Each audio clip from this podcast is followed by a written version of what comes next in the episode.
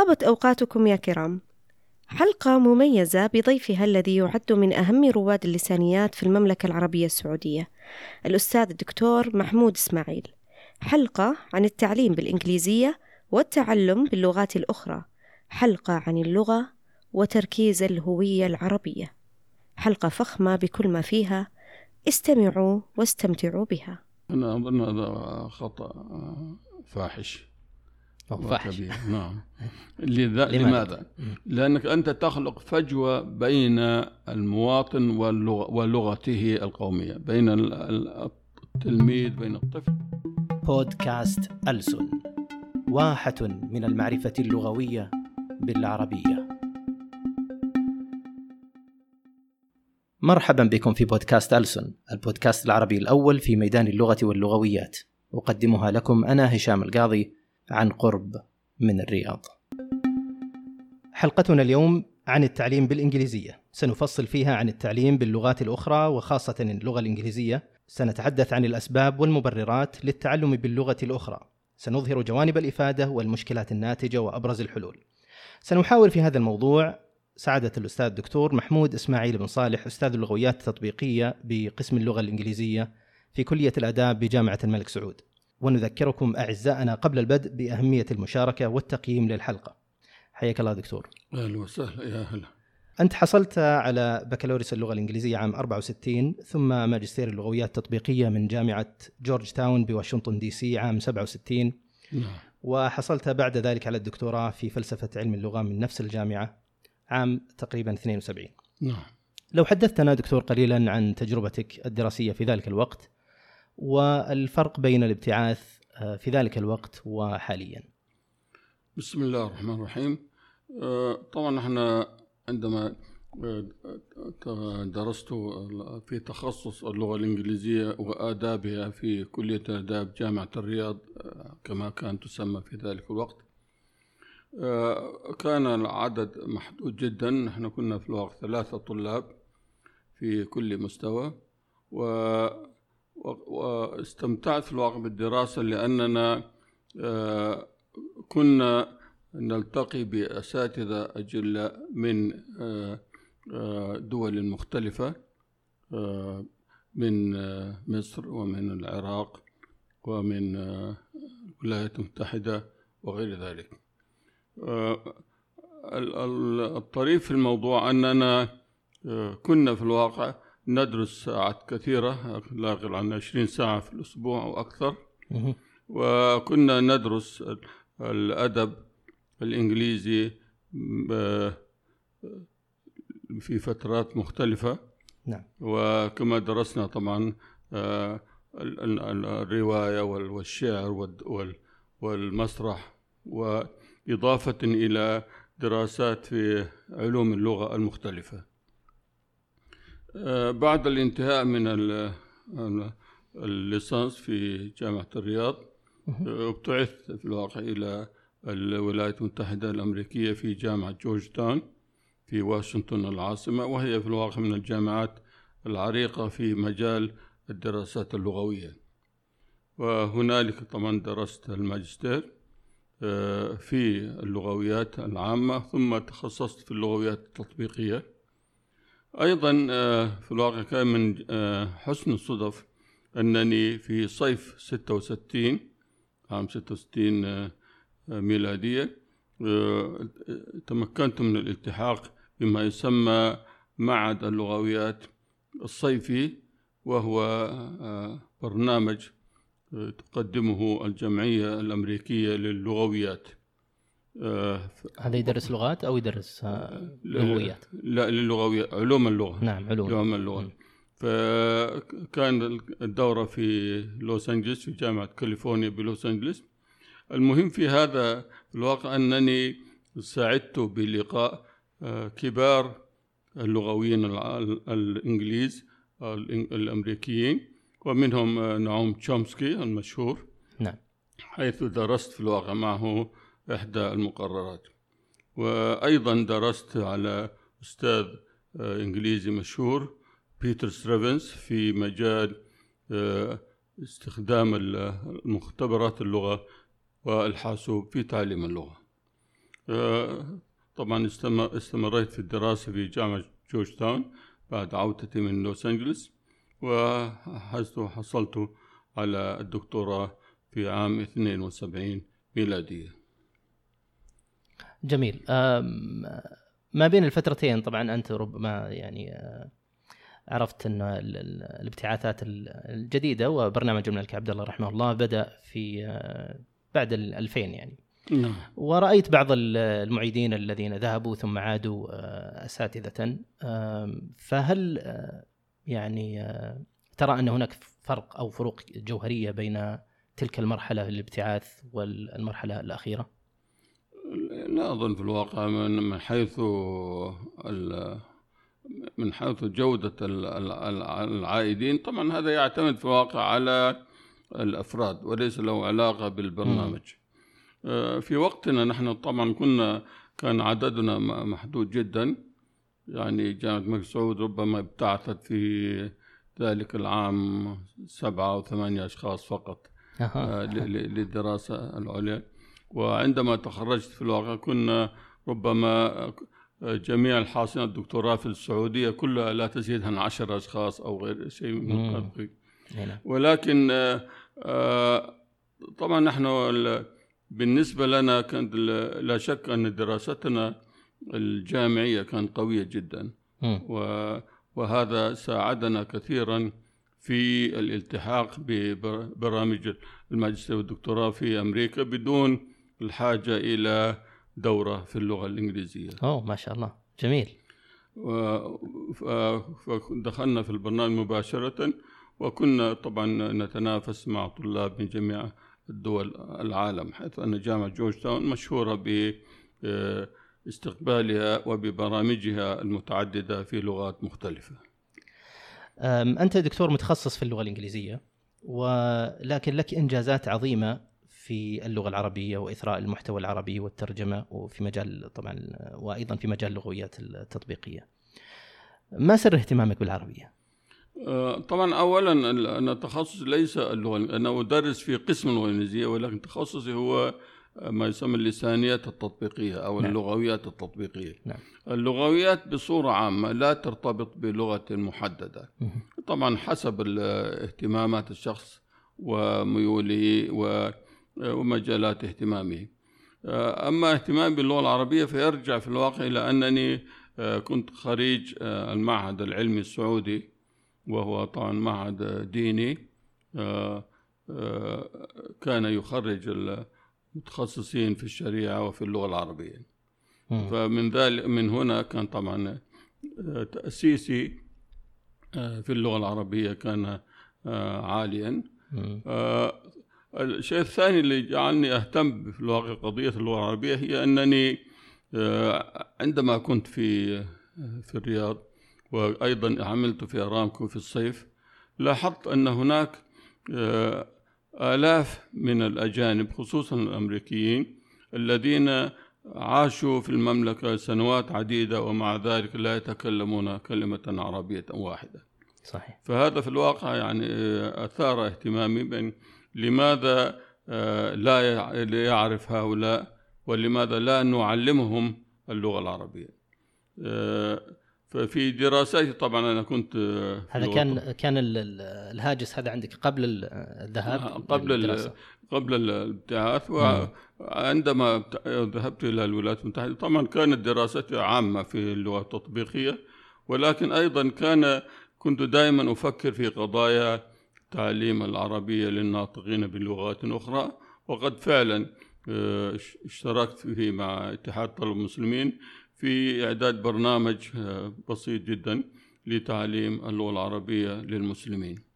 آه، بعد ذلك طبعا أيضا رسالة الدكتوراه كانت تتعلق بإحدى اللهجات العربية.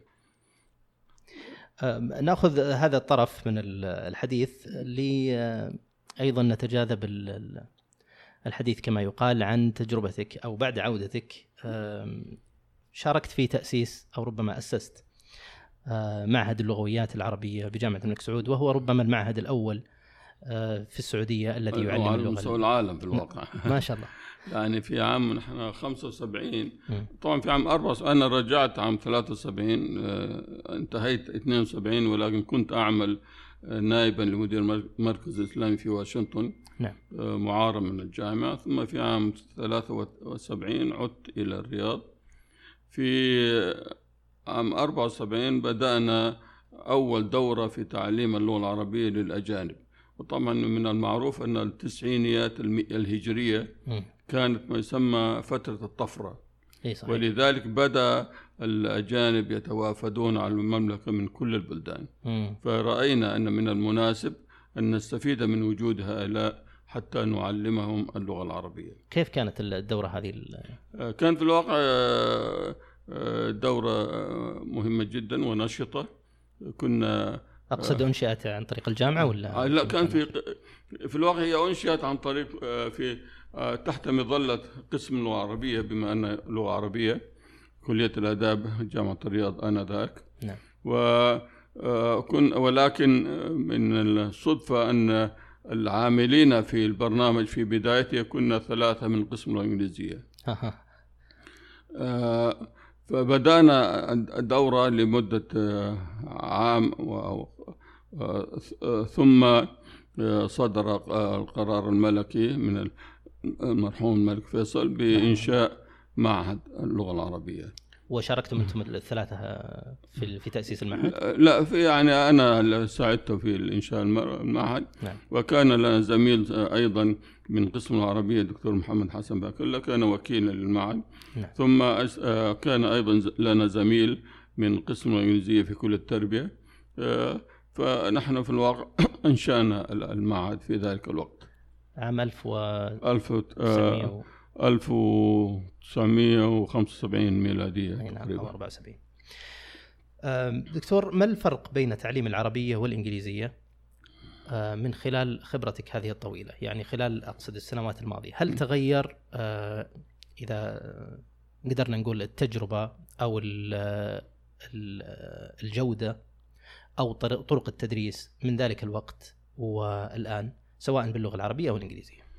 لا شك أن علوم اللغة أو خصوصا علم اللغة التطبيقي أو اللسان التطبيقي آه، مر بتجربة مهمة جدا من ال- سبعينيات القرن الميلادي الماضي آه، حيث بدأت حركات جديدة في آه، تعليم اللغات وبدأ الاهتمام بتعليم اللغات بأساليب حديثة آه، تخالف ما كان معروفا في السابق خصوصا باللغة العربية كانت تدرس من وجهة نظر استشراقية آه، كتاب لغة الكتابة والنحو والصرف وغيره.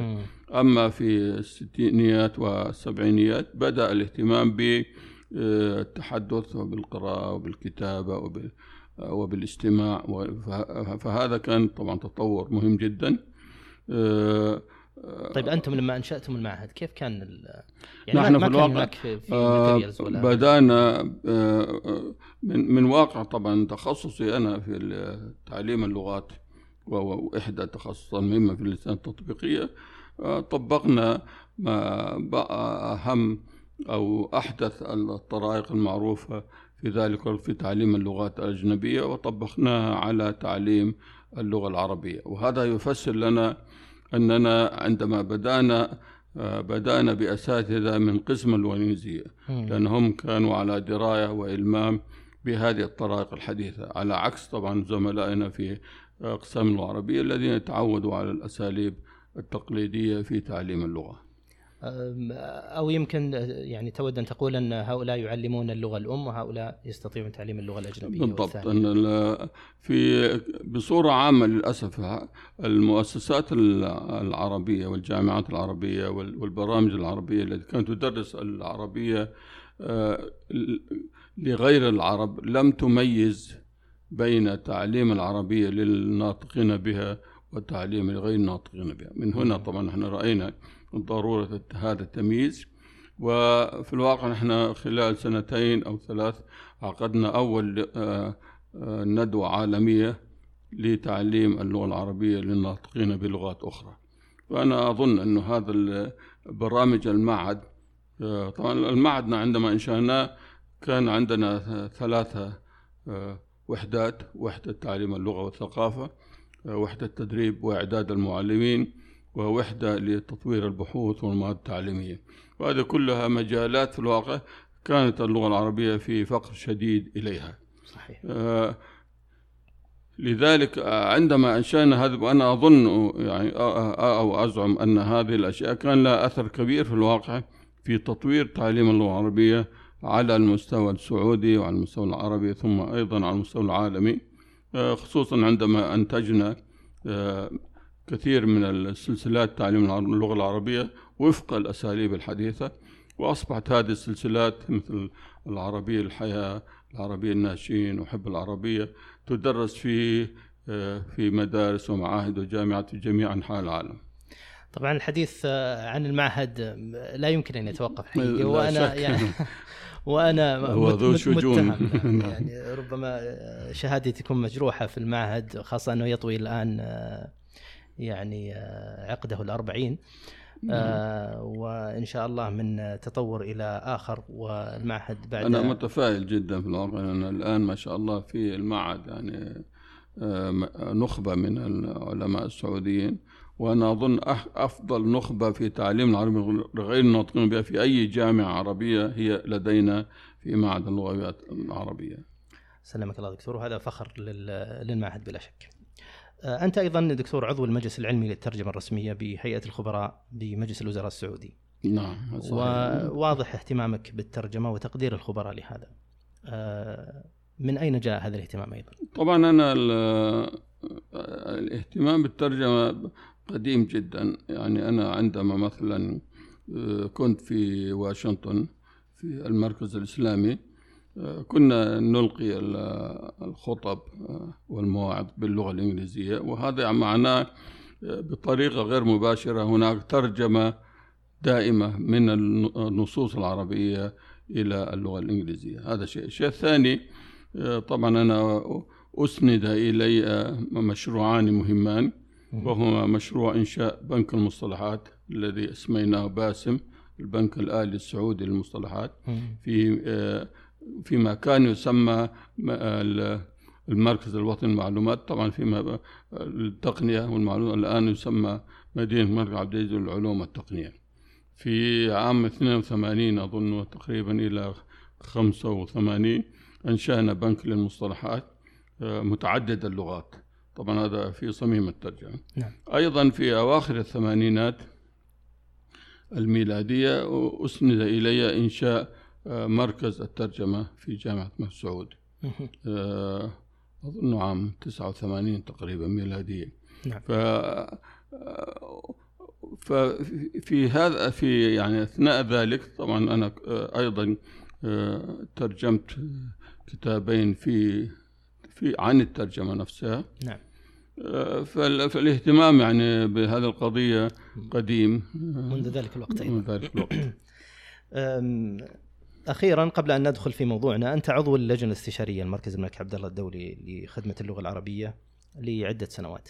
نعم. آه، لو أعطيتنا دقيقتين أو ثلاث دقائق عن تجربتك في المركز. لا شك أن المركز الملك عبد الله الدولي لخدمة اللغة العربية يعتبر مركز رائد على مستوى العالم فهو حتى الآن يعتبر أهم مركز في الواقع لخدمة اللغة العربية وخصوصا على المستوى الدولي. فالمركز في الواقع له اهتمامات واسعة ولدينا شراكات كبيرة. آه، يعني أنا شرفت ولا زلت برئاسة مجلس الأمناء للمركز في السنوات الأخيرة. نعم. آه، فلدينا شراكات ودورات وبرامج في أكثر من 30 دولة مختلفة. آه، دورات تدريبية ومؤتمرات ومسابقات وغير ذلك. آه نعم. وجميعها لدعم اللغة العربية. آه، كلها لدعم اللغة العربية. رائع. آه، فيما يتعلق بموضوعنا دكتور ما نعم. الفرق بين تعلم اللغات الأجنبية وبين التعلم باللغات الأجنبية؟ طبعا الفرق شاسع. يعني تعلم اللغة أنا آه، أن تعرف اللغة آه، وهنا أيضا يجب أن نميز بين المعرفة النظرية باللغة والمعرفة العملية باللغة. كيف؟ للأسف أن وهذا بالمناسبة واحد من مجالات التطور في مجال تعليم اللغات الأجنبية أن في الماضي كان الناس يظنون أن تعلم اللغة هو آه، تعلم قواعد اللغة ومفرداتها وحفظ هذه القواعد واستظهارها. طبعا النظريات الحديثة كلها أثبت أن هذا غير صحيح. تعلم اللغة هو مع اكتساب اللغة القدرة على استخدام اللغة آه، بمهاراتها المختلفة من استماع وتحدث وقراءة وكتابة. وهذا لا شك أن له دور كبير جدا في تطوير تعليم اللغات الأجنبية وكذلك أيضا في تطوير تعليم اللغة العربية بوصفها لغة أجنبية. إذا تعلم اللغة آه، آه، هي تعلم مهارات خاصة باللغة اكتساب تلك المهارات. أما التعليم باللغة فطبعا معناه استخدام اللغة وسيلة لاكتساب مهارات ومعارف آه، مختلفة. ليس ليس لها علاقة باللغة نفسها فاللغة هنا وسيلة وليست هدف. إن في تعلم اللغة اللغة هدف وليست وسيلة. جميل. هناك الآن اتجاه أو ربما يعني من فترة لفرنسة التعليم في الدول المغاربية وربما أمركتها في الخليج وفي بعض الدول العربية. هل تعتقد أن هذه مشكلة أم هي آه، ميزة؟ هي في الواقع آه، هي ميزة من ناحية ومشكلة من ناحية أخرى. آه، هي ميزة خصوصا على المستوى الجامعي والمستوى الدراسات العليا. لأن للأسف في كثير من مجالات العلوم خصوصا التطبيقية والتقنية آه، لا زالت المراجع العربية آه، هزيلة جدا وقليلة. نعم. آه، من ثم لا يمكن الاعتماد عليها. فلا بد لنا من تعليم هذه العلوم والتخصصات التقنية بلغات أجنبية ثرية المصادر. آه، فهذا لا شك أنه مشكلة جوهرية بل إنني لاحظت أنه حتى في بعض العلوم الاجتماعية مثل الإدارة والاقتصاد آه، نعاني في الواقع من فقر شديد في المراجع العربية. نعم، المصادر المتطورة. هناك مراجع ولكن أكثرها قديم في الواقع لا يواكب التطور الحديث بينما نحن نجد طبعا أن العلوم التطبيقية والتقنية والعلوم الإدارية خصوصا وما يتعلق بها في تطور آه، سريع جدا آه، يتطلب مواكبة مستمرة. وهذا مما آه، جعل كثير من الجامعات والتخصصات تلجأ إلى التدريس بلغات أجنبية نعم. كالفرنسية أو الإنجليزية. إنما آه، ما لا يعني استسيغه وفي الواقع هو توجه بعض الدول إلى تدريس العلوم بلغات أجنبية على مستوى دون الجامعي وهذا في الواقع ليس له أي مبرر. آه، ليس له أي مبرر. لا شك أن التعليم باللغة الأجنبية له كما قلت مزايا من أهمها آه، مواكبة التطورات الحديثة آه، فيما يجد يستجد وأيضا من طبعا الأسباب أن معظم أعضاء التدريس الذين يدرسون هذه التخصصات هم تدربوا في دول أجنبية. ولكن قد يقال أيضا أنه يعني الثانويات مثلا آه، نفس المشكلة يواجهونها في تطور العلوم مثل الرياضيات والفيزياء والكيمياء وال هذا على مستوى محدود لأنه هذا يمكن مواكبته هذا يمكن معالجته في الواقع في الكتب الدراسية. نعم. يعني وإنتاج كتب دراسية مواكبة وهذا ليس من الصعوبة بمكان. لأن الطالب على المستوى دون الجامعة لا يحتاج إلى البحوث والمراجع الكثيرة. آه، من ثم يمكن في الواقع أن نجد أن المشكلة ليست بهذه الصعوبة.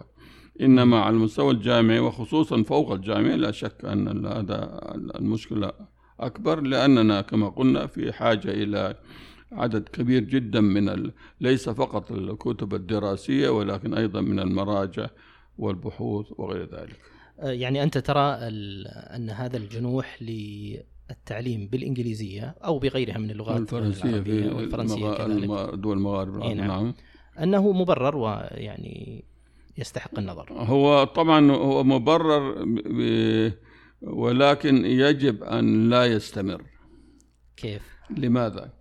لأن ال- التجربة أثبتت أن التعليم باللغة الأجنبية يختلف عن التعليم باللغة الوطنية مم. آه، ونجد أن آه، آه، كثير من الدول حتى المتطورة مثل اليابان أو مثل فنلندا أو في أو في دول السويد أو النرويج أو غيرها تدرس بلغاتها الوطنية نعم لماذا؟ لأن الطالب آه، والمعلم كذلك لا شك آه، آه، يفهم لغته القومية ويستطيع أن يت- يتفاعل بها ومعها بطريقة أفضل مما أن يفعل بلغة أجنبية. وأنا أتحدث هنا يعني من أنا الآن في قسم الإنجليزية منذ أكثر من أربعين عاما ولكن لا, لا, شك لا أستطيع أن أزعم أن أن الإنسان آه، المثقف ال- العربي لا شك أنه يستوعب المادة باللغة العربية أفضل من ما يستوعبها بلغة أجنبية طيب يعني هذا شيء الشيء الثاني طبعا من ناحية عملية أيضا نحن نجد أن في الواقع الطلاب آه، حتى أعضاء التدريس يعني أذكر كان أحد الخبراء في منظمة الصحة العالمية للشرق البحر المتوسط. ذكر أنه كان يزور جامعات مصرية مثلا آه، تدرس الطب. فيجد أن المدرس أصلا لا يجيد الإنجليزية وهو يدرس ب- بلغة أي أجنبية عليه وهو, وهو ضعيف فيها. نعم. ويعلم الطلاب بلغة أجنبية ركيكة. آه، من ثم لا شك أن الفهم آه، حتى على مستوى عضو التدريس قد يكون ضعيفا في كثير من الحالات. طيب هو الحقيقة الآن يرد سؤالين. السؤال نعم. الأول آه، كيف نجحت فنلندا وغيرها من آه، من هذه الأمثلة؟ مع أن المشكلة لا زالت قائمة يعني واليابان و... واليابان طبعاً و- وربما الصين. ال- ال- طبعا هي تنجح بقضية أساسية مهمة جدا وهي الترجمة مم. والتأليف. نعم. بمعنى أن ال- ال- اليابان على سبيل المثال آه، يعني أنا من تجربة شخصية أعرف أن اليابانيين سيئين في اللغات الأجنبية. نعم. ولكنهم آه، بارعين في التخصصات العلمية وفي التخصصات التقنية صح. لماذا؟ لأنهم يدرسون بلغتهم القومية إذا كيف يواكبون التطورات الحديثة؟ طبعا آه، من أهم وسائل المواكبة هي الترجمة نعم آه، الفورية وعندما أتكلم الفورية لا أتكلم الشفوية ولكن. آه، أنهم يتابعون نعم ترجمة كل ما يستجد من علوم وتقنية من لغات أجنبية إلى لغتهم القومية آه، بهذا الشكل آه، عندما يدرسون بلغتهم القومية هم لا هم يواكبون أيضا التطور العلمي والتقني. لأن كل ما يستجد في هذه الفروع في لغات أخرى تنقل إلى القومية الوطنية. نعم. وطبعا هذا آه، لا شك إنه هو هذا الحل الذي يجب أن يكون إذا أردنا أن نعرب التعليم في الوطن العربي. طيب هذا هذا كان جواب السؤال الأول والسؤال الثاني هو إذا مثل ما ذكرت كانت التجربة بائسة فيما يتعلق بمدرس أو طبيب مدرسين كثير نعم. مدرسين كثير يعني نعم. يحاولون أن يعلموا الطلاب بلغة أجنبية، أجنبية عليه هو المدرس وأجنبية أيضا نعم. على الطلاب. فما الفائدة إذا كان لا لا يتقن هو اللغة والطلاب لا يتقنون اللغة ويحاولون يعني الوصول إلى المعلومة بهذا لأن. النظام التعليم عندهم يفرض عليهم التدريس باللغة الاجنبيه. وأيضا ربما لجهل بكثير من المصطلحات والمفاهيم آه، باللغة العربية. فهم حفظوها بلغة أجنبية ومن ثم أسهل عليهم أن ينقلوها آه، إلى طلاب بتلك اللغات الأجنبية. بما أنك ذكرت ال- الطب تحديدا، هل ترى آه، أن الطب وبعض العلوم الأخرى المشابهة مما يكون التخصص فيها دقيق جدا آه، هل ترى أن تعليمها باللغة الإنجليزية أفضل؟ حتى لو حتى لو توافرت التراجم. ليس بالضرورة ليس بالضرورة. آه، يعني أنا أذكر منذ بضعة سنوات أجرت دراسة ل بعض الأطباء من سوريا ومن دول عربية أخرى سوريا تدرس طبعا الطب باللغة العربية كانت نعم. جامعة دمشق ودول عربية أخرى فثبت أن في الواقع أن الأطباء الخريجي الجامعة السورية نعم. كانوا يتفوقون على الأطباء الذين درسوا بلغة أجنبية في بلدان أخرى عجيب. لأن كل ما احتاجه هو فترة قصيرة يتكيف فيها مع اللغة وعلما بأن كثير من المصطلحات عالمية الصبغة نعم. ف ولكن فهمهم للمادة كان أجود نعم. من من زملائهم الذين درسوا بلغة أجنبية وأحيانا لغة أجنبية ركيكة وربما لم حتى يطلعوا على مراجع يعني أذكر آه، في آه، كما قيل في كثير من الجامعات العربية عندما تدرس باللغة الإنجليزية في الواقع الطلاب يعطوا ملازم نعم. باللغة وهذا لا, لا ليس فيه علم. صحيح. بينما الطالب عندنا آه الذي يدرس بطريقة جدية يقرأ كتب وليس ملازم. ومن ثم كان ضحالة المعلومات لدى كثير من هؤلاء. وهذا يفسر كما قلت ربما تفوق الأطباء السوريين علميا وطبيا. طب, على طب هذا من وجهه من وجهة نظر أخرى دكتور يناقض المشكلة التي يتحدث عنها الناس في آه، السبب الذي يجعلهم يتعلمون باللغة الإنجليزية أو الأجنبية عموما. يعني إذا إذا كانت الطب نحن نتكلم الآن عن الطب والطب يتقدم يوميا طبعا وليس بصورة طبعا يعني شهرية أو سنوية أو حتى عقود. ونفس الشيء طبعا في فالمتابعة أقصد ستكون أصعب بكثير يعني. نعم. وهكذا العلوم عموما نعم. الهندسة طبعا الحل هو هو ما يعني ما يتم في كثير من الحالات هو تعليم اللغة الأجنبية للأطباء. بمعنى لا يكتفى بتعليم التعليم باللغة العربية ولكن في نفس الوقت يجب أن آه، يهيئوا أو أن يدرسوا لغة أجنبية عالمية جميل. تقصد أنهم يتعلمون بالعربية ولكنهم أيضا يتعلمون يمكن حتى نعم ربما بعض المقررات تدرس بلغة أجنبية. ففي هذه الحالة يستوعبوا المادة بلغتهم الأم. في نفس الوقت يتعلمون التخصصات ب أو المصطلحات بالذات في بلغات أجنبية عالمية باعتبارك دكتور آه، في آه، هيئة الخبراء وأيضا في مركز الملك عبد الله الدولي لخدمة اللغة العربية. ومن خلال أيضا اطلاعك هل السياسات التعليمية في الدول العربية تدعم التوجه بالتعليم من خلال اللغة العربية أو بواسطة الإنجليزية؟ تقصد طبعا التعليم العالي والتعليم الجامعي, الجامعي في بعض التخصصات. نعم التعليم الجامعي. طبعا للأسف هو يبدو أن التوجه بصورة عامة هو نحو تعليمها بلغات أجنبية. م. وأنا كما ذكرت أنه أحيانا حتى عضو هيئة التدريس عندما يكون مقتنع بالتعريب لا يجد ما يسانده من مراجع وكتب آه، باللغة العربية نعم. فيضطر أن يلجأ إلى استخدام المراجع الأجنبية فأنا أظن هذه قضية أساسية جدا يعني أنا أذكر آه، كثير من الأصدقاء والخبراء قالوا أن التعريب يجب أن يكون على مستوى سياسي بمعنى قرار سياسي نعم. القرار السياسي جيد ولكن لا يمكن أن تطلب الناس أن يدرسوا بالعربية ما لم تهيئ لهم الظروف المناسبة. توفير المراجع مواكبة التطورات الحديثة في تخصصات مختلفة باللغة العربية كما قلت عن طريق الترجمة وعن طريق التأليف. نعم. وهذا للأسف لم لم يحدث في أي بلد عربي حتى يومنا هذا.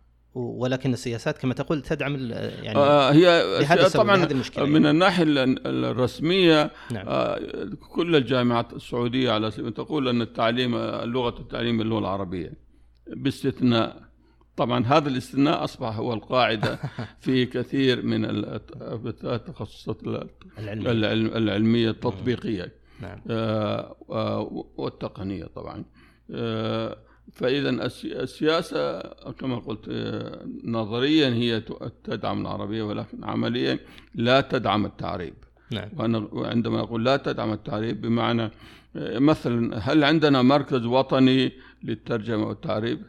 لا مم. إلى يومنا هذا أنا أذكر منذ 30 أو 40 سنة كنا ندعو إلى إنشاء مركز وطني نعم. للترجمة والتعريب مم.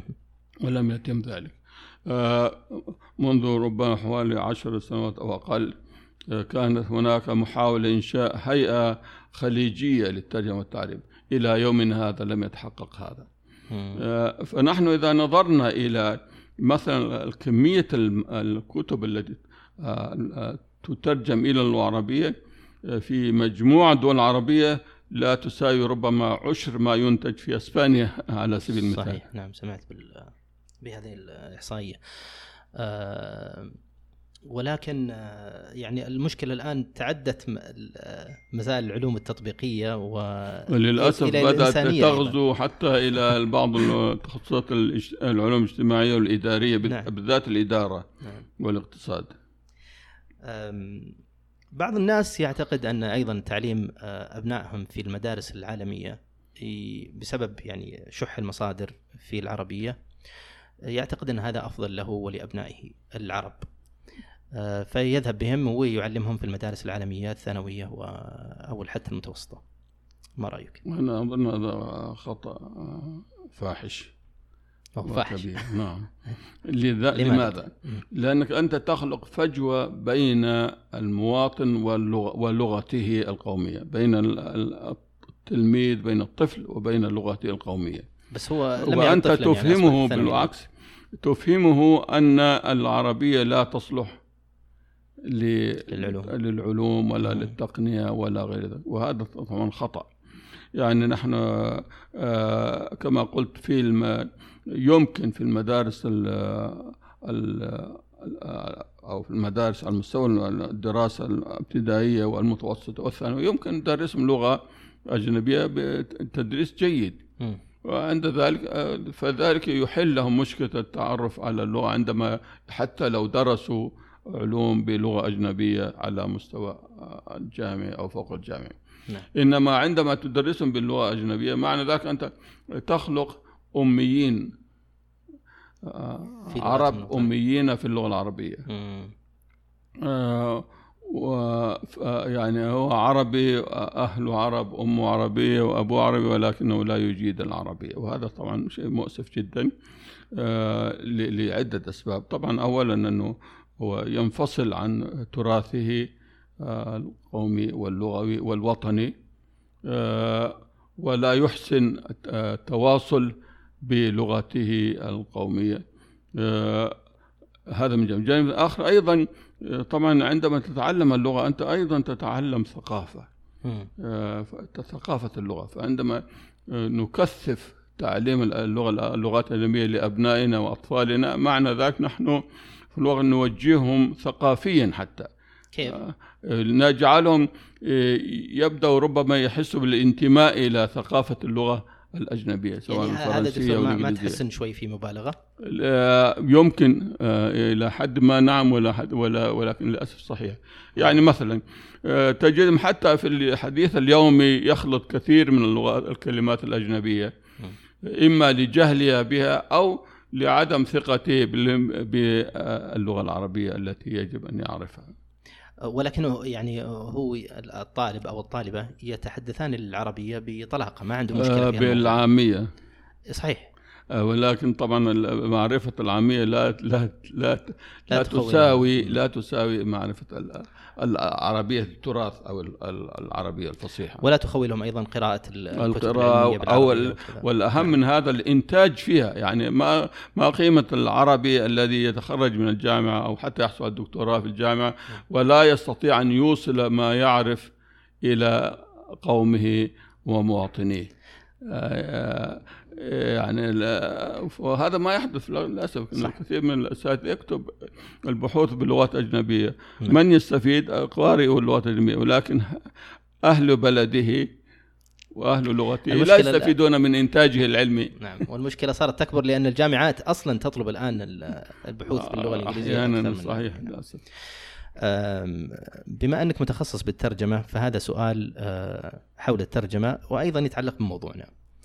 إذا كنا سنلاحق هؤلاء القوم آه، بالترجمة وباستمرار ومع نعم. تطور العلوم وانفجارها في بهذا الوضع الحالي الذي أصبح يعني المعلومة تتطور سريعة سريعه نعم. جدا انفجار المعلوماتي ما يسمى نعم. بالضبط آم، فالترجمة في الحقيقة ستصبح عبئا أكثر من كونها آه، مساعدا بعبارة أخرى بدل يعني الناس يقولون بدل من التحويلة هذه اللي و- واستمرار الترجمة وهيئات ومراكز للترجمة حتى نزود الجامعات نعم. والمؤسسات التعليمية بهذه المصادر المعلوماتية باللغة الوطنية.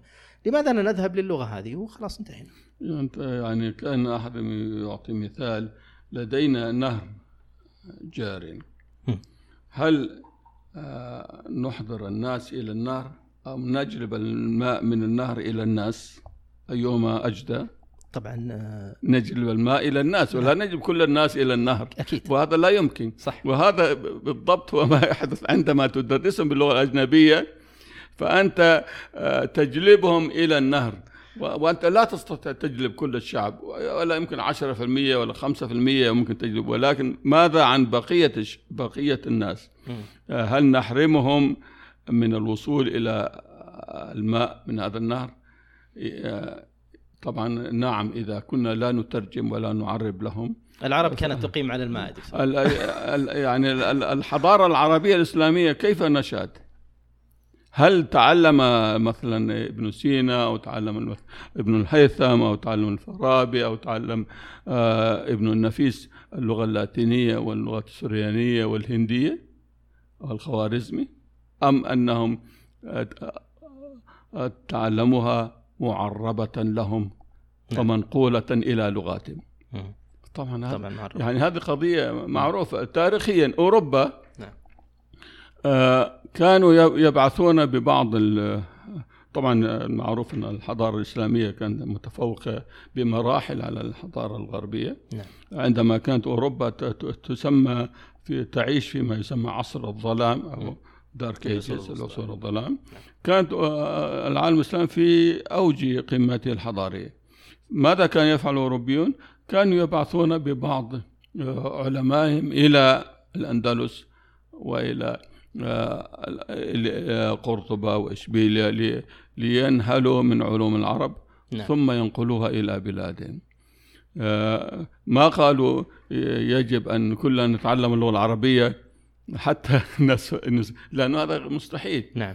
فكانوا يبعثوا بناس يتعلموا ثم هؤلاء ينقلوا إلى لغاتهم ما تعلموه من العرب والمسلمين. ولكن تظل المشكلة آه، قائمة وهي أن في ذلك الوقت كان التطور بطيء جدا.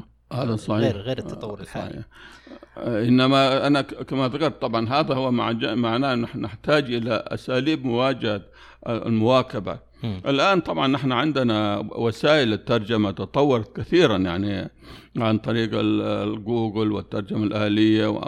وطريق ال- الترجمة عن بعد واساليب ترجمة كثيرة الآن لم تكن متاحة في الماضي مم. فيجب أن أن نتوسع في هذا المجال ال- مرة أخرى كما قلت أن اليابان تترجم في العام الواحد مئات الملايين من الكلمات من لغات أجنبية هذا شيء الشيء الثاني. عندما ندرس باللغة الانجليزيه على سبيل المثال أو الفرنسية نعم. فنحن في الواقع أيضا آه، كأننا حددنا العلم بهذين بهاتين اللغتين بينما هناك تطور علمي كثير يحدث في- ألمانيا يحدث في روسيا يحدث. يعني أذكر أمريكا عندما آه، أطلقت آه، روسيا أول آه، مركبة فضائية نعم. سبوتنيك في عام 57 أدركوا أن معرفة أن معرفة اللغة الأجنبية ضرورية آه، ل- كيف؟ ل- كانوا يجهلون ال- اللغات الأجنبية. ف- فوضع المج... الكونغرس الأمريكي مجلس الشيوخ أصدر قرار يسمى أظن قانون الدفاع رقم. أربعة لتعليم اللغات الأجنبية في أمريكا. آه، وبدأوا طبعا من نشاط الترجمة الآلية من من اللغة الروسية إلى اللغة الإنجليزية. اللي وجدوا أن هناك لكي يواكبوا العلوم. فمعرفة اللغة الإنجليزية فقط أو الفرنسية فقط آه، لا تكفي. آه، عندما نتحدث عن الترجمة ي- معناه أن نحن نترجم من لغات مختلفة ليس فقط من الإنجليزية أو من الفرنسية. دعني أخذ ال- المثال الجميل أو المثل الجميل النهر. نعم.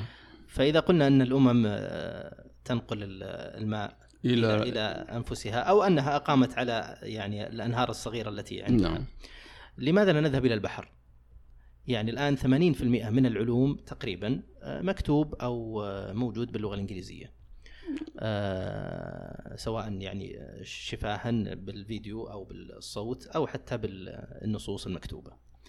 آه، فال 20% هذه هي بقية اللغات. ولا شك أن العربية لا تمثل لا ليس ليس 80% عدد قليل جداً ليس يعني. 80% كما يقال يعني لا لا غير صحيح. وأيضا طبعا فلم- إذا إذا المقصود- إذا أخذنا ال- ال- هذه الاستعارة نعم. ماء البحر لا يشرب. مالح على كل حال هي القضية القضية الأساسية. آه، علميا. نحن نتحدث من الناحية ال- السيكولوجية من الناحية التربوية من الناحية الاجتماعية. نعم. تعليم أي علم باللغة القومية أجدى آه، اقتصاديا أجدى اجتماعيا أجدى نفسيا وتربويا من تعليم التخصصات المختلفة بلغات أجنبية. آه، يعني هذا هذا هذا دراسات علمية. ليست نعم، يعني نعم، ليست. آه، تخريصات أو آه، تخمينات هناك أيضا من يقول آه، لماذا لا يكون هناك لغة موحدة للعلوم تسهل على الناس كلهم الآن في الكوكب مع هذا التواصل السريع الذي يستطيع فيه الإنسان أن يتواصل مع يعني أقطار الأرض آه، من خلال جواله يعني. فلماذا لا تكون هناك لغة واحدة مخصصة للعلوم من يقرر تعترف هذا بها. من يقرر هذه اللغة آه، يعني الآن هناك ست لغات معترف بها رسميا في الامم الأمم المتحدة ويمكن آه، اليونسكو يعني وربما لاحقا طبعاً، آه، آه، يخلصون إلى لغة واحدة فهل تاريخيا؟ تاريخيا هناك بعض من فكروا فيما يسمى لغات عالمية مثل الإسبرانتو والفريدو الفريندو إلى غير ذلك كلها في الواقع باءت بالفشل لانها لغات اصطناعية آه، ومحدودة جدا من حيث ال- المفردات من حيث الألفاظ من حيث التراكيب. فهذه قضية آه، مستحيلة يعني عمليا مستحيلة. مم. آه، لذلك طبعا لجأ الناس إلى ما يسمى اللغات المشتركة ال lingua francas المشتركات الم- اللغات ال lingua franca اللغات المشتركة. نعم. ك ك إنما كوسيلة للتواصل. وطبعا هذا أيضا يفسر انتشار اللغة الإنجليزية آه، بوصفها لغة آه، لغة مشتركة أو لغة تواصل والعربية كذلك يعني في بعض ال- اللغة العربية يعني- بالنسبة للدول العربية نعم. وبعض أيضا في الدول الإسلامية. نعم. آه، يرى الدكتور هشام البراك وهو أستاذ مساعد في قسم المحاسبة بجامعة الإمام من واقع ملاحظتي الشخصية أن بعض الأساتذة الذين يعلمون بالإنجليزية يضطر إلى تسطيح العمق. لرفع مستوى الطلاب مما يؤدي إلى ضعف المخرجات. آه، توافقه أنت دكتور؟ طبعا أنا ذكرت قبل كذا المثال اللغة الإنج- التدريس الطب في بعض الجامعات العربية مم. آه، للأسف آه، يعني آه، بسبب ضعف التلميذ والمعلم في اللغة الأجنبية آه، هناك سطحية ك- كبيرة جدا في التدريس بل نحن نعرف أن في كثير من ال- وش مرد السطحية حتى؟ من وين؟ الناحية العملية الآن نجد. أن الطلاب في الطب في كثير من التخصصات الطبية كيف تكون اختباراتهم؟ اخ- اختيار متعدد. طبعا نعم. هذا يعني هذا لا شك إنه محدود جدا لا يساعد على عمق الفهم صحيح يعني يكون. قد يكون فيه ولكن آه، لا يساعد على التعبير آه، أيضا نجد أن الطلاب في الصفوف آه، التي تدرس باللغة الأجنبية قليل منهم من يشارك في في في في ال- في المحاضرات لأنه لغته ليست بهذه المتانة. قد يفهم جيدا. ولكن ليس لديه القدرة على المشاركة الإيجابية في آه، الدروس والمحاضرات. الصحفي محمد المختار الخليل يقول أن الإبداع ابن لغته ولن نتقدم إلا إذا تعلمنا بلغتنا واسألوا اليابانيين والهنود والصينيين. ويقول أيضا اللغات الأجنبية لا تنتج مثقفا عضويا وإنما خريجوها تقنيين لا يلامسون الهم العام مباشرة. آه، وهناك توصيات متعددة وكثيرة جدا كما تفضلت يعني آه، على مستوى هيئات رسمية بضرورة آه، تعريب العلوم. تعريب العلوم أو التدريس بالعربية المواكبه التعريب إيش من التدريس بها. لماذا لماذا لم تعمل أو لم يعمل بهذه التوصيات حتى الآن؟ آه، آه، لعدة أسباب طبعا منها يعني عدم وعي آه، حتى النخب النخب السياسية بالتأكيد نعم. والنخب حتى النخب الثقافية عدم إدراكها لخطورة الموضوع يعني هم يظنون ال- طالما أن العلوم منتشرة بالإنجليزية لماذا لا ندرسها بالإنجليزية ولا يف... لا لا يدركون كما ذكرت من قبل أبعاد آه، مستوى الفهم. والتلقي ومستوى الإنتاج ب- باللغة القومية مقابل اللغة الأجنبية لا شك أنه حتى الذين يجيدون اللغات الأجنبية ودرسوها لمدة طويلة نجد أنهم آه، إذا كان لغتهم القومية آه، مناسبة فلا شك أنهم أفضل تعبيرا وأفضل استيعابا وفهما للموضوعات التي يدرسونها أو يقرؤونها أو يسمعونها هل هناك أثر سلبي على اللغة العربية للذين يتعلمون بالإنجليزية؟ آه نعم إلى حد ما. وهو أولا طبعا آه، هو أثر سلبي على هؤلاء. نعم. يصبح استيعابهم اللغة العربية ضعيف جدا. آه ومن ثم يعني في العالم العربي طبعا وسائل الإعلام العربية كلها باللغة العربية بصورة عامة. صح. فإذا معنى ذلك أنه حتى لا يتابع الوسائل الإعلام وسائل التواصل هي باللغة العربية صحيح. أحيانا عربية ركيكة عربية عامية ولكن هي أيضا باللغة العربية. فالذي لا يعرف اللغة العربية جيدا لا يجيد العربية لا شك أن أداءه في هذا في التواصل في تلقي المعلومات آه، سيكون أقل من آه، زميله الذي آه، يكون أقوى منه في اللغة العربية. وهل يفسر هذا يعني بعض الطلاب لديهم ضعف كبير جدا في الكتابة باللغة العربية؟ آه هذا جانب نعم لأنه طبعا آه، ضعف الاهتمام ب- باللغة العربية لا شك أنه يؤدي إلى ضعف ال- الناطقين باللغة بها. آه هذا كل ما لدينا دكتور شكر الله لك وشكرا. جزيلا على أرجو أن يكون. حوار مفيد إن شاء الله. جدا وشكرا لك على الحضور والمشاركة في بودكاست ألسن ولمستمعينا الشكر والتقدير على الاستماع والمشاركة والاشتراك. نلقاكم في الحلقة المقبلة حتى ذلكم الحين. تعلموا وعلموا باللغة العربية. وحتى لا تفوتك برامجنا اللغوية. اشترك معنا في شبكة فاز. أينما تفضل في أبل بودكاست جوجل بودكاست يوتيوب أو أي تطبيق يناسبك. شاركنا الرأي وتابعنا على تويتر وفيسبوك ألسن بودكاست وراسلنا على بريدنا podcast at faz.education هذا البودكاست من إنتاج فاز لاستشارات وتقنيات اللغات.